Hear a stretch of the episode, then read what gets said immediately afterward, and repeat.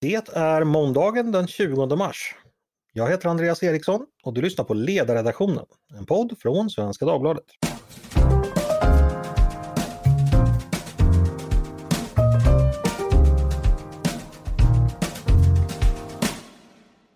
Varmt välkomna till oss. Idag ska vi prata plastpåsar och som inte det vore roligt nog ska vi prata om skatt på just plastpåsar. Det har vi ju haft i några år, vilket har fått ganska stor uppmärksamhet. Det var en del i januariöverenskommelsen, ifall ni minns det, eh, förra mandatperioden. Och det infördes, till skillnad från en del annat, samma överenskommelse i ganska snabb takt och blev verklighet i maj 2020. Eh, har alltså snart funnits i tre år. 3 kronor styck är skatten på stora påsar och 30 öre för de små. 600 miljoner kronor beräknas detta föra in till statskassan i form av intäkter då 2023. Och jag misstänker att jag står för en otroligt stor del av de där 600 miljonerna. Varför har vi då en sån här skatt? Eh, vad är det för nytta med den i, i den mån det är det? Eh, finns det några eventuella skador med den? Och hur har den påverkat plastförbrukningen i stort? Och ska vi behålla den? För det är inte givet. Det finns ju de som tycker att vi inte ska det. Det är det vi skulle prata om idag och med mig för att göra det har jag tre gäster. Åsa Stenmark, eh, materialflödesexpert på Naturvårdsverket och ansvarig för Sveriges nationella plastsamordning. Varmt välkommen hit! Tack så mycket! Runar Brännlund, eh, professor emeritus i nationalekonomi vid Umeå universitet. Välkommen du också Runar! Tackar så mycket! Och Sofia Höglund som förra året skrev en rapport som heter En utvärdering av punktskatten på plastbärkassar för en tankesmedja som heter Environment and Public Health Institute. Välkommen du också Sofia. Tack snälla. Eh, jag tänkte börja med dig Åsa. Eh, du får ge oss bakgrunden här. Eh, hur, kommer det sig att vi har en skatt på plastpåsar? Vad är tanken med den? Bakgrunden är ju att vi har ett EU, eh, en EU, en EU-lagstiftning som säger att vi ska minska mängden plastpåsar som vi använder. Alla länder ska göra det eh, ner till eh, 40 stycken per person och år. Eh, och eh, den som tänker lite längre tillbaka i tiden vet att det här direktivet är ganska gammalt eh, och man började genom att eh, införa informationskrav. Så att eh, ni, alla som lyssnar har ju säkert sett i butiken att det står en liten lapp med eh, den här, tänk på miljön, välj, försök att inte ta någon påse och sådär. Och väldigt många eh, butiker började också fråga om man behöver en påse eller inte och sådär. Alltså när vi pratar eh, all, all form av handel, för det här gäller ju alla former av påsar, inte bara de du bär hem dina matvaror i utan, utan alla plastpåsar. Mm, eh, Men det är liksom bakgrunden, den här, det här minskningskravet som finns från EU-kommissionen på oss. Och anledningen till att det finns ett minskningskrav är ju för att för att man ser att påsar hamnar på fel ställen, det vill säga ute i naturen och bidrar till nedskräpningen. Så det var en av de första åtgärderna som EU gjorde för att minska nedskräpningen av plast. Mm. Eh, vi ska alltså använda mindre plastpåsar. Eh, vägen dit, sa EU-direktivet någonting om det eller fick man välja ifall man vill använda morot eller piska eller hur man skulle Nej, göra? Precis, där, där lämnar EU helt fritt till medlemsstaterna. Så vi har ju sett, det finns alla olika varianter. Det finns de som har förbud det finns de som har avgifter och det finns de som jobbar med eller skatter som, som vi är eller det finns de som, som har eh, informationskrav eller, eller liknande. Så det har man tacklat på väldigt olika sätt och Sverige har ju valt två vägar kan man ju säga. Först är lite mjukare och sen det lite tuffare. Mm, så är det. Eh, och det, den väg man väljer det är ett politiskt beslut? Eller? Ja, ja som, som väldigt mycket som styr sådana här saker så är det ju politiska beslut. Mm, just det. Och hur har då konsumtionen av plastpåsar förändrats under de här knappa tre åren? Eh, hur ser de konkreta siffrorna ut? Det har minskat stadigt eh, och i den senaste mätningen för, för förra året, och nu har vi inte alltså vi har siffror för 2021, vi har inte siffror för 2022 än, men då såg vi ju en, en minskning så vi är ju nere på 14 påsar per person. Det är, så, det är ju fantastiskt bra men jämfört att målet är, är 40 så, så det har ju verkligen bidragit. Men jag kan väl redan nu lyfta att vi kanske funderar om det finns andra anledningar till, till den här minskningen också. Vi har till exempel ändrat våra köpbeteenden under corona och så vidare. Mer hembeställningar genererar mer papperspåsar och mindre plastpåsar också. Så det kanske finns andra sådana eh, orsaker. Och det återstår väl lite grann så det ska bli väldigt spännande att se om vi, om vi håller oss kvar nu för 2022 på den låga nivån eller om det kommer vända uppåt eh, lite grann igen. Och när får vi siffror för 2022? Vet vi det ungefär? Det ska komma här under våren. Jag har inte exakt koll på, på när, men det brukar publiceras under våren. Eh, Okej. Okay. Eh, och när skatten infördes då eh, 2020, hade man, satte man någon målsättning då eller någon liksom trappa som man hoppades uppnå? Eh, eller körde man bara på och tyckte att nu ska det minska? ja, målsättningen var ju att nå EUs, EUs mål på 40. Innan ja. skatten infördes så låg vi över. Eh, ja. Nu minns jag inte exakt men det var någonstans 50-60 tror jag. Eh, och innan, innan vi ens började med åtgärder så låg vi ännu högre. Så, att, så att vi ser ju att både de mjuka åtgärderna och den här skatten har haft, har haft effekt. Det kan vi mm. ganska tydligt säga. Skatten lyckades så det, så det sjöng om det låter som. Runar, du har ju varit kritisk mot den här skatten eh, när den infördes. Är, är, du fortfarande det och i så fall varför? Ja, jag är fortfarande kritisk av samma skäl som jag har varit tidigare då den infördes. Och, och det är ju två skäl. För det första vill jag kommentera det EU, EU-kravet. Det gäller ju faktiskt bara om man inte tillhandahåller kassar gratis. Men nu är det ju så att handeln, de tar ju betalt för de här kassorna, har gjort hela tiden. Va? Så att det EU-kravet, det, det, det, kan man verkligen eh, ifrågasätta om, om man behöver eh, vidta ytterligare åtgärder så att säga för det. Men jag är kritisk av, i, i, i grunden av två skäl. För det första att, att det är extremt oklart vad det är för miljöproblem man vill komma åt med den här plastskatten. Det är det första. Liksom. Det, det, det blir nästan omöjligt att utvärdera den. Och, och i den utvärderingen som är gjord då, som vi kanske får höra mer om då, så, så, så är ju kvantiteten kassar man tittar på, inte miljöeffekten så att säga. Och det andra skälet som hänger ihop i och för sig med det första, det är ju det att det är bara en viss typ av plastkassar som, som, som eh, eh, beskattas. Och, och, det visar ju den här utvärderingen också som var beställd av Naturvårdsverket då att, att vad som har hänt. Som förväntat att, att kvantiteten eh, beskattade eh, plastpåsar då har ju minskat kraftigt. Och det är, det är precis vad man kan förvänta sig när priset har gått upp till 7 kronor. Va? Mm. Eh, förutom du då som, som verkar konsumera dem fortfarande. Ja, jag, jag är för dum för att förstå sådana där incitament. Ja, ja. Men vad som har skett och, och, och, precis också vad man kan förvänta sig, det är det att vi har eh, köpt mer papperspåsar. De har ökat med ungefär 100 procent i försäljning av papperspåsar. Men kanske framför allt de här engångs, vad jag kallar engångspåsar, alltså de här rullpåsar som till stor del är importerad och gjort till stor del av, av fossilbaserat material. Va? I mm. motsats till de här ICA och Konsumkassarna som jag kallar okay. Så att, eh, eh, Jag menar på att, att eh, av de skälen, eh, det vill säga vad är, vad är miljöproblemet man vill komma åt med den här skatten? Det, det, det är huvudskälet och jag tror det är jättefarligt att klä olika skatter i miljö, miljökostymen om inte man har på fötterna vad är det för miljöproblem man vill komma åt. Eh, vad tänker du Åsa, prickar Runar rätt här med sin kritik när han säger att eh, de svenska plastpåsarna eh, kanske inte är så stort, ja, de hamnar kanske inte i naturen, vi vet ju att de orsakar så stor skada. Alltså vad, vad finns att säga om det om vi tar den punkten först? Eh, eh, absolut, vi ser väl att det finns påsar i våra nedskräpningsmätningar men kanske inte att det är ett lika stort problem som, som i resten av EU det här är väl en effekt av att vara med i, i Europeiska unionen, tänker jag, att man, man kan få lagstiftning som kanske inte är, eller ett krav eller ett mål som inte är kanske superrelevant för, för ens, egen, ett, ett, ens eget land. Um, tänk på det här med miljöeffekten som Runar är inne på, det är ju, det är ju också rätt. Det här är ju en ganska liten plastström, det är, det är som vi, vi kanske byter mot något annat, är det bättre eller sämre? Eh, men, och, och, det är absolut diskuterbart, men jag tycker det är viktigt att hålla i huvudet att, att skatten är inte tänkt att vara, eller minskningskravet ska jag säga från början, är inte tänkt att vara, det är inget resurseffektivitetskrav eller materialeffektivitetskrav eller någonting sånt. Det handlar endast om att det politiskt på EU-nivå då är bestämt att vi ska minska mängden påsar. Eh, så det, så, det och, det kan man ju tycka är hur idiotiskt som helst, men det är liksom ja. det vi har att förhålla oss till som, ja, som lagstiftare.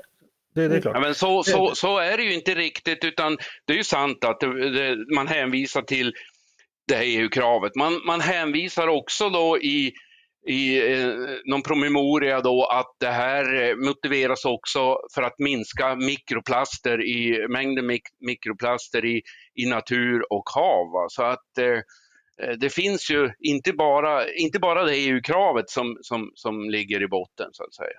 Motivering. Mm. Eh, får jag bara fråga Åsa, det här andra som Runar tar upp med att man köper påse på rulle, eh, mm. det, de behöver inte beskattas? Nej. De beskattas inte på samma sätt? Och de för att de inte... Ingen skräpar ner med rullpåsar eller hur är tanken där? Ja, det är väl, det är väl så som är tanken och så som man har, att det är påsar som, som liksom kommer med en annan vara på ett annat sätt. Eh, det kan man också tycka är konstigt att det är så, men, men så är det, det, det finns inget minskningskrav på sådana. Vi kan köpa hur många rullpåsar som helst. Um, jag säger inte att det inte finns hål i den här lagstiftningen, det är bara så som den ser ut. Men, men, men en, viss, en liten eh, korrigering vill jag ändå göra. Att, man ser ju fler och fler av de här påsarna att de inte är importerad fossilplast utan att de faktiskt börjar tillverkas av återvunnen plast. Att den svenska plastpåseindustrin som ställdes väl inför en, en viss kris, minst sagt, när man fick sluta, eller liksom efterfrågan dök ju, eh, har ju på deras återvunnen råvara-påsar som absolut ska premiera återvunnen råvara. Men där vet jag ju att de har ställt om nu i stor utsträckning och nu eh, finns det gott om svenska, svensk återvunnen råvaruplastrullpåsar att, att köpa. Mm. Jag har faktiskt en, en, jag har en polare som faktiskt tror det eller ej är plastpåsefabrikant och eh, det är ingen dans på rosor kan jag berätta. Eh, jag tänkte släppa in eh, Sofia här. Eh, nu har de andra fått prata så mycket. Du har ju gjort en mm. utvärdering kring det här. Kan du berätta vad var bakgrunden till det och vad, vad kom du fram till? Ja, nej men eh, bakgrunden till det var väl egentligen att vi var intresserade av att titta på vad eh, effekterna av den här skatten har varit eh, utifrån egentligen de argument som presenterades för att den skulle införas. Och skälet till att det är viktigt att titta på är att eh, jag tror det är väldigt viktigt när man inför skatter med miljön som argument så är det också oerhört viktigt att de har avsedd effekt. För annars riskerar vi att verkligen urholka förtroendet för miljö och klimat politiken på sikt. Eh, och då kommer vi få väldigt svårt att genomföra mycket annat som vi behöver. Eh, så det var väl någonstans bakgrunden till alltihop.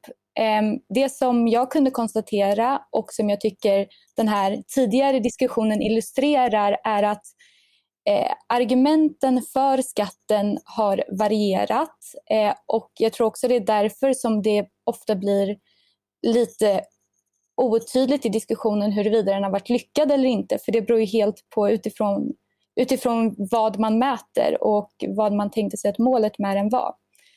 Ehm, men jag försökte titta på eh, skatten kanske framför allt ur ett eh, miljö och klimatperspektiv och som vi redan har varit inne på så har vi ju sett att den har fört med sig ett tydligt skifte i konsumtionen Eh, där människor köper färre av de eh, påsar som är belagd med skatt eh, men då istället också fler substitut, pappersbärkassar och avfallspåsar.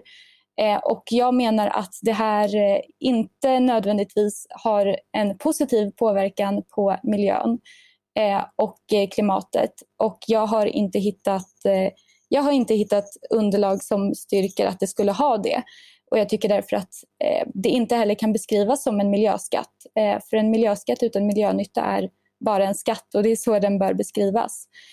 Och det jag också eh, lyfter i rapporten är att att det här skulle vara effekterna av skatterna, alltså att vi ser ett skifte, ehm, det var väldigt väntat. Och jag kan därför tycka att det är lite anmärkningsvärt att eh, politiker som var med och fattade beslut om och stod bakom den här skatten från till exempel Liberalerna nu ändrar sig med hänvisning till det utfall som vi har sett, nämligen att människor förändrar sin konsumtion och konsumerar mer av sånt som inte nödvändigtvis är bättre. Eh, för det här var väldigt väntat och det lyftes bland annat i eh, en av de utredningar som Naturvårdsverket gjorde innan skatten infördes. Där lyfte man risken eh, med att just precis det här skulle ske och Naturvårdsverket förordade därför inledningsvis ett mer generellt styrmedel eh, som inte på samma sätt skulle bidra till att vi bara eh, byter påse men inte nödvändigtvis löser några miljöproblem. Så jag, eh, jag tycker det är synd att man från politiskt håll inte tog fasta eh, på den insikten som presenterades eh, mm. väldigt tidigt i beredningen av det här mm. förslaget. Uh, nu har vi inga politiker här men, men vi, vi skickar det vidare till dem. Uh, Åsa, en fråga till dig. Jag tänker, det här är ju en fråga, precis, precis som Sofia säger så finns det ju väldigt mycket delade meningar om det här. Det är inte helt lätt att begripa. Jag tycker ändå det på något sätt bör empiriskt kunna beskrivas. Om det är så att den här skatten är till för att stoppa nedskräpningen med plast, då borde man väl kunna räkna ut så här, har den ökat eller minskat på grund av plastpåseförbudet? Finns det några sådana för att om vi liksom inte bara utgår från att konsumtionen har minskat, ja det är toppen utifrån liksom ett politiskt mm. beslut, men om vi tittar ut i den riktiga världen, ha, ha, är det mindre plast där ute i naturen i Sverige på grund av den här skatten? Vet vi någonting om det? Nej, då får jag väl ställa mig bakom det något kritiska då att, att eh, vi, vi har ju inte tänkt att, eller liksom, gör vi svenska skräpmätningar så är inte plastpåsar det som är den vanligast förekommande produkten utan det är ju takeaway-artiklar och sugrör mm. och nu för tiden munskydd och handskar och sådana saker som snarare dyker upp där. Eh, så, så att, återigen, det här är inte någon, det här liksom, själva minskningsmålet och hänvisningen till att det är en nedskräpningsfråga är egentligen inte superrelevant ur ett svenskt eh, perspektiv utan vi, vi vi har ju en tendens att tänka att nedskräpning inte är det viktigaste, vilket vi ibland också har helt fel i när vi tänker om vi skulle diskutera andra produkter. Eh, men, men vi gör ju mycket hellre de här kopplingarna, jag jobbar med plastbrett och, och generellt gör vi hellre den här resurskopplingsfrågan som både Runar och Sofia är, är inne på också. Att, att så här, det, det, ska väl vara bra på totalen då, varför tar vi just den här lilla produkten?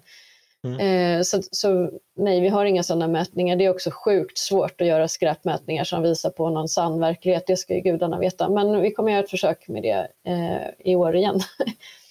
eh, och har en, en bättre metod för det nu. Så men, men, liksom, men påsar är inte det största problemet som, som, eh, som vi har i nedskräpningen. Det kan jag väl säga. Som gammal scout har jag varit uppe och, och rensat väldigt mycket och tagit upp så det kanske inte skulle vara så mycket, mycket mer kostnad att tömma ut sopsäcken efteråt och sitta och räkna på. på kan man... vad man gör. Eh, men okej, tar de, de, sista, de sista påsarna man slänger i naturen det är ju de här ICA och Konsumkassarna för de är ju bra. De, och de är så dyra numera dessutom. Ja, och, och jag har dem till allt möjligt, liksom som gympapåse, som allt möjligt. Så att, däremot de här rullpåsarna, de är som ett sladder bara, så de slänger man ju så att säga på en gång.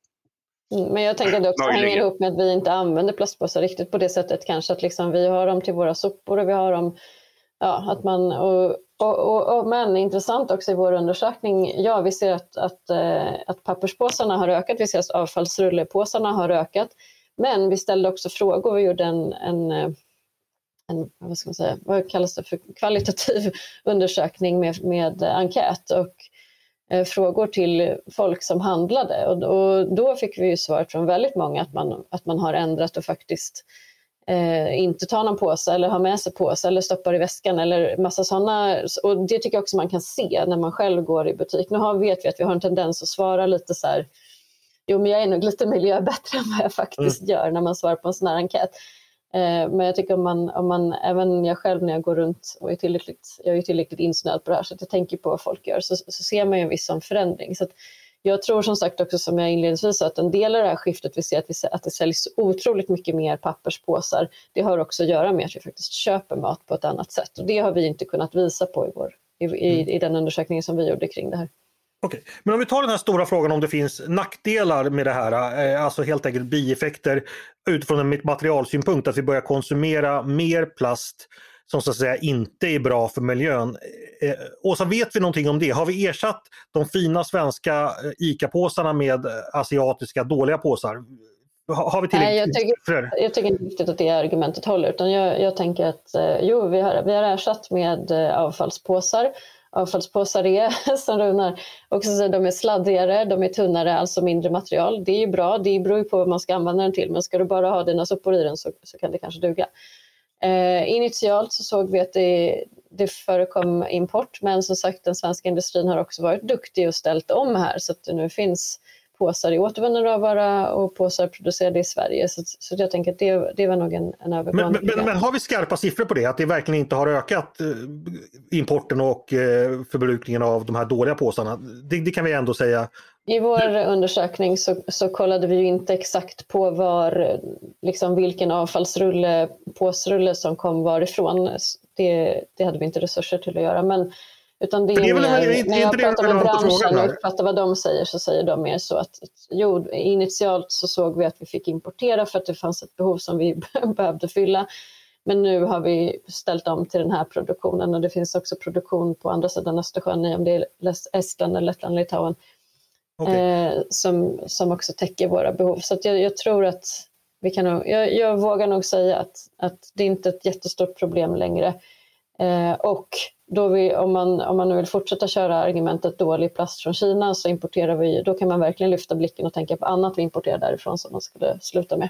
Ja, absolut, men, men i och med att det är just i plastpåsefrågan så ja, blir det just det. men jag kan inte låta bli. Men vad, alltså, man måste tillbaka, ja.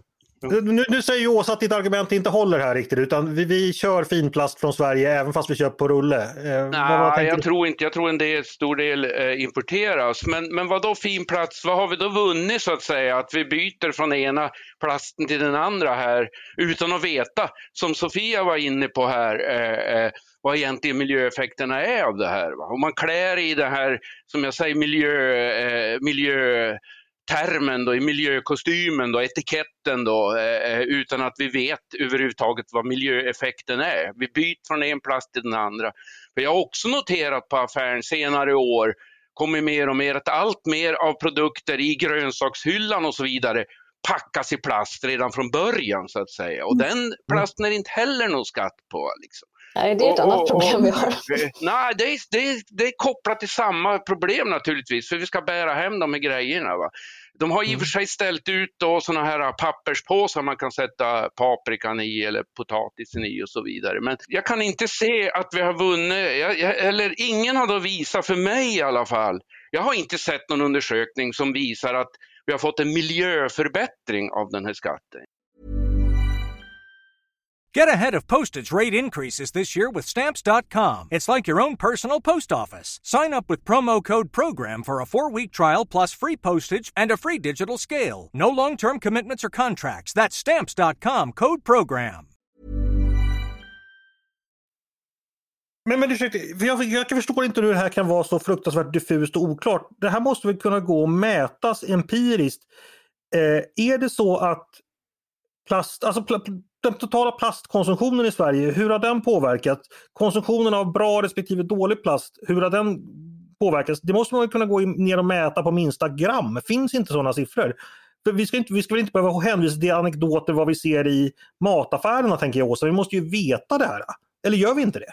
Eh, jag har inte sett några sådana siffror och jag såg inte heller några sådana siffror när jag, när jag skrev den här rapporten.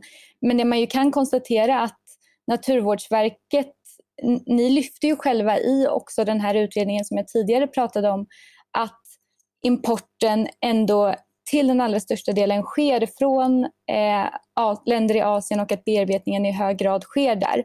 Så jag tror att, och det är klart att marknaden anpassar sig, men jag har svårt att se att eh, eh jag, skulle, jag skulle inte helt avfärda det argumentet redan nu, för det har ändå inte gått så lång tid. Och Naturvårdsverket själva lyfter det som, eh, som en befarad, eh, befarad konsekvens av det här att vi skulle se en ökad import och med det högre klimatkostnader. Mm. Menar du den utredningen som vi gjorde innan plastpåseskatten eller den utredningen? Ja. Precis. Mm. Nej, den man gjorde innan.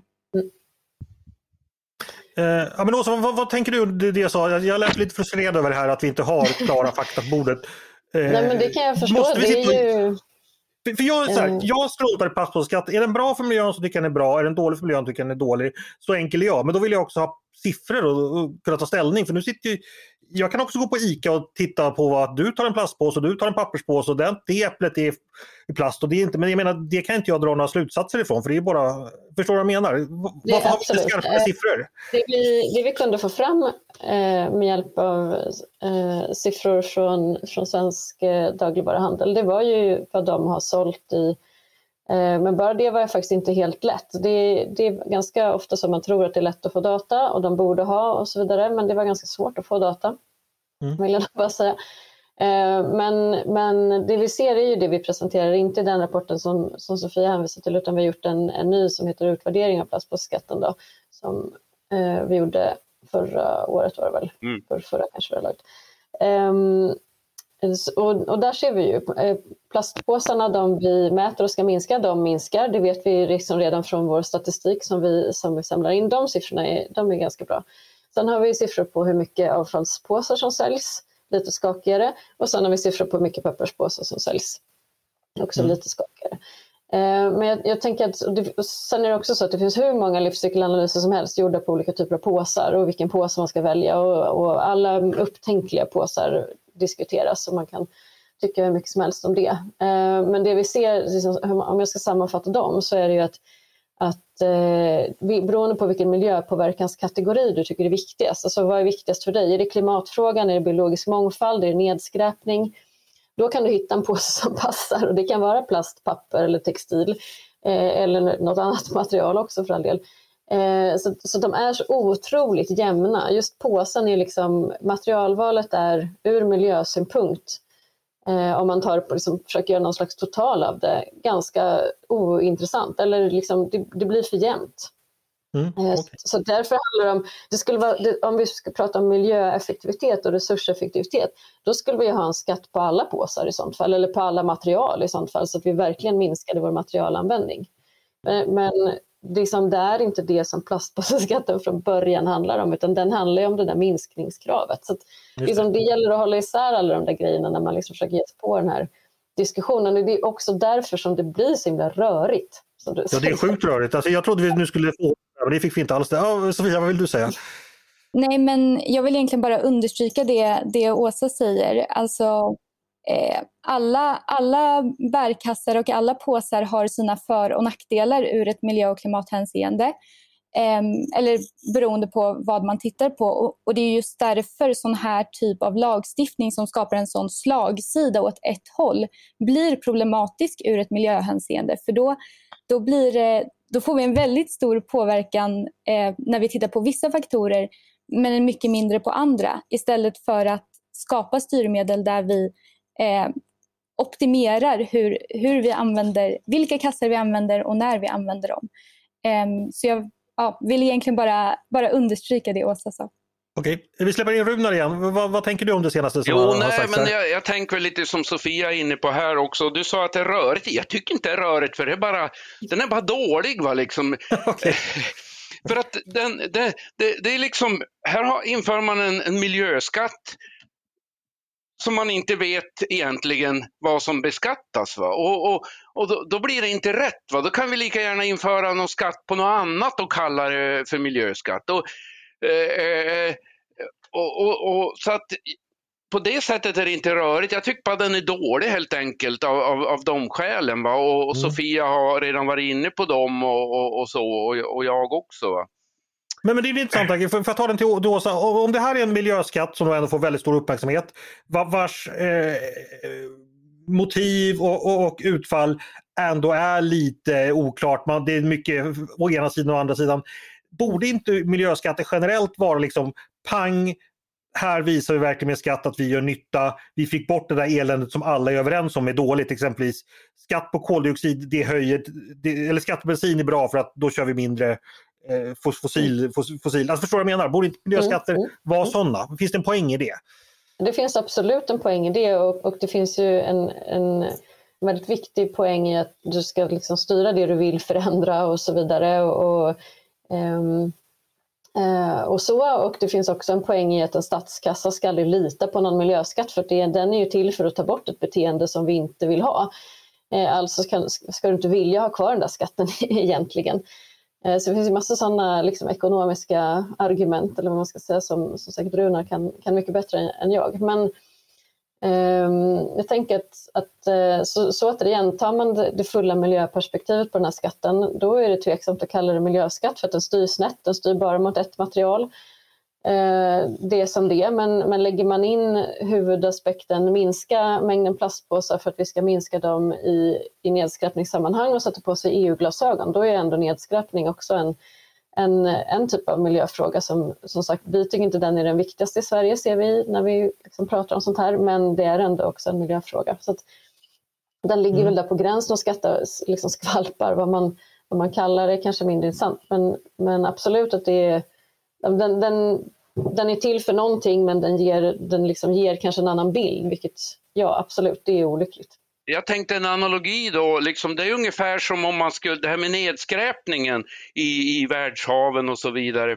Det är ungefär som att, att man skulle beskatta eh, ljud, eh, ljud i, ljudbuller i säg, eh, Dikanäs eller Sorsele eller på, på, eh, i en, i, där det inte är något ljud för att man störs av, av ljud på, på Hornsgatan i Stockholm. Va, liksom. Det hjälper inte dem på Hornsgatan i Stockholm om vi slutar bullra i Norrland så att säga. Va. Det är ungefär samma, samma sak här. Här försöker vi beskatta någonting som vi inte kan påverka så att säga. Fast å andra sidan har vi inte samma bullernormer i hela landet när det gäller exempelvis hur vi bygger lägenheter och sådär. Så det kanske finns en poäng i att man ändå har ett gemensamt regelverk. Eh, ja. Men får jag fråga dig en annan sak Runar. Eh, ur ett nationalekonomiskt perspektiv, skatter som, som inte är som är så här oklara, eller framstår för många som oklara. Och, alltså, vilken skada kan en dålig skatt göra? Kan du säga någonting om det? Ja, eh, om vi tar miljöskatter till exempel, som Sofia var inne på också, det är ju det att det är risk att det gröper ut eh, förtroendet för miljöpolitiken i allmänhet. För jag är en verklig tillskyndare, har varit hela mitt, hela mitt yrkesverksamma liv då, som akad, inom eh, det akademiska området, tillskyndare för miljöskatter för att de är bra. De är effektiva och bra, men då måste de utformas på rätt sätt och man måste utvärdera både före och efter hur, hur de fungerar och så. så att, eh, och, och, det gäller ju egentligen all, all, all politik, eh, skulle jag vilja påstå, och alla skatter, att man kan motivera dem på ett sätt, att det, folk förstår varför man inför en skatt. Ja, det, vissa skatter inför vi för att fördela inkomster mellan olika människor, grupper, eh, grupper i samhället. Andra skatter inför vi för att styra då i miljö, alkoholskatter och så vidare. Men det måste vara tydligt och klart vad det är man, man vill, vill göra med skatten. Annars tror jag det gröper ut eh, man, man eh, förlorar förtroendet för, för politiken i, i, i allmänhet. Så att säga. Mm. Jag ska ta, ta och summera ihop det här. Eh, om skatten nu skulle eh, eh avskaffas, vilket det har funnits vissa politiska tecken på, inte minst från de partier som styr landet idag. Vad skulle det få för konsekvenser, Sofia? Om vi börjar med dig. Ja, nej men först och främst så tror jag, som jag redan har varit inne på, att det hade stärkt förtroendet för miljöpolitiken. Eh, för det hade skickat en signal om att man eh, tycker att eh, miljöproblemen är lite för viktiga att lösa för att införa symbol Eh, symbolåtgärder eh, enbart. Så det tror jag, jag, jag, tror att det hade varit bra för, för människors förtroende för miljö och klimatpolitiken. Eh, och bara lite kopplat också till det här minskningskravet från EU som vi har pratat om. För det skulle ju möjligtvis kunna vara det då som man funderar på om det kan vara i fara eh, att vi inte uppnår. Men där ska man också komma ihåg att att styra mot de här kvantitativa minskningsmålen var bara ett alternativ eh, till hur det här direktivet eh, skulle uppnås.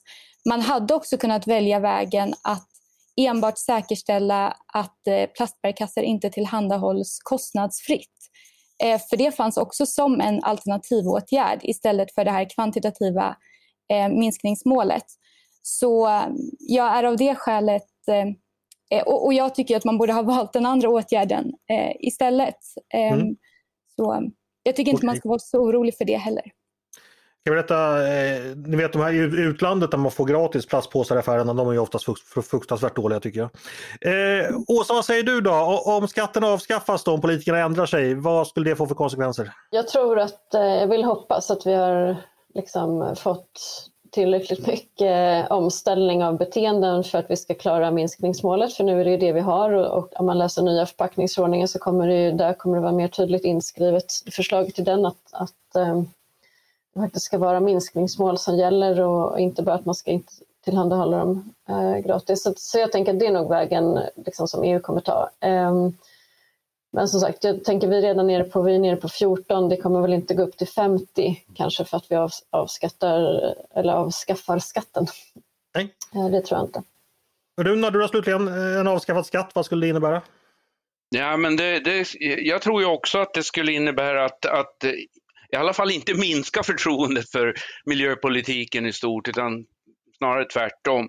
Men Sen tror jag också vi skulle kanske få en viss substitution tillbaka och hur stor den blir. Jag menar som, som Åsa säger så, så kanske vi har ändrat våra beteenden och, och så. Va? Så att det är inte säkert vi Förmodligen eh, inte säkert vi hamnar tillbaka i samma situation som innan, va? innan skatten, men en viss substitution tillbaka skulle vi få tror jag.